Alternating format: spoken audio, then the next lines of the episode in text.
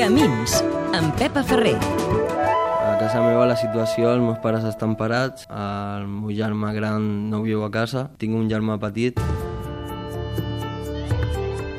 Jonathan Illescas, 20 anys, del barri de Sant Roc de Badalona. M'encontrava totalment per, eh, perdut, no sabia què fer, o sigui, estava a l'atur, si no em buscava la vida, no començava a estudiar, no començava a ser una mica persistent a l'hora de, de buscar feina, no arribaria a cap lloc. Amb un peu a l'exclusió social. Fins fa poc em veia així, fins, bueno, fins i tot al dia a dia jo veig els meus amics, els meus antics companys de col·legi i pràcticament la seva situació és precària. Quasi no tenen diners per a menjar, no es tenen que buscar la vida al dia a dia. O sigui que és un dia sí, un dia potser. Yeah,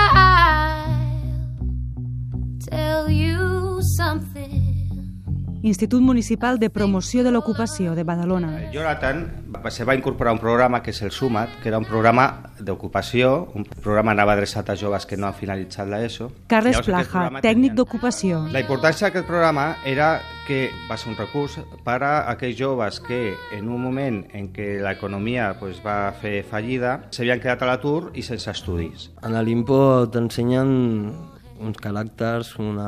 m'han d'ensenyar un ofici, també vas recuperar el temps perdut de... amb els estudis. Gisela Chicona, la formadora.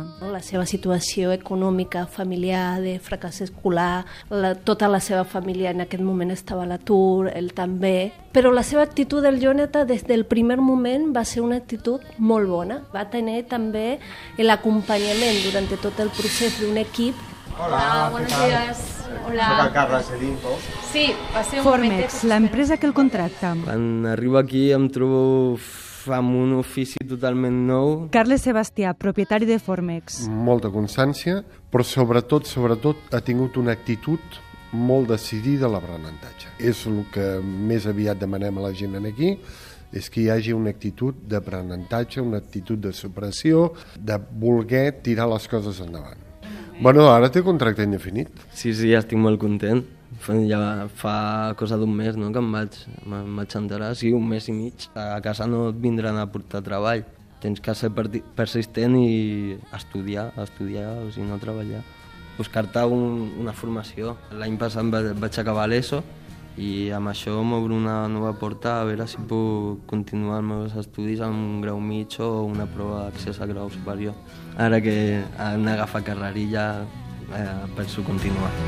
I wanna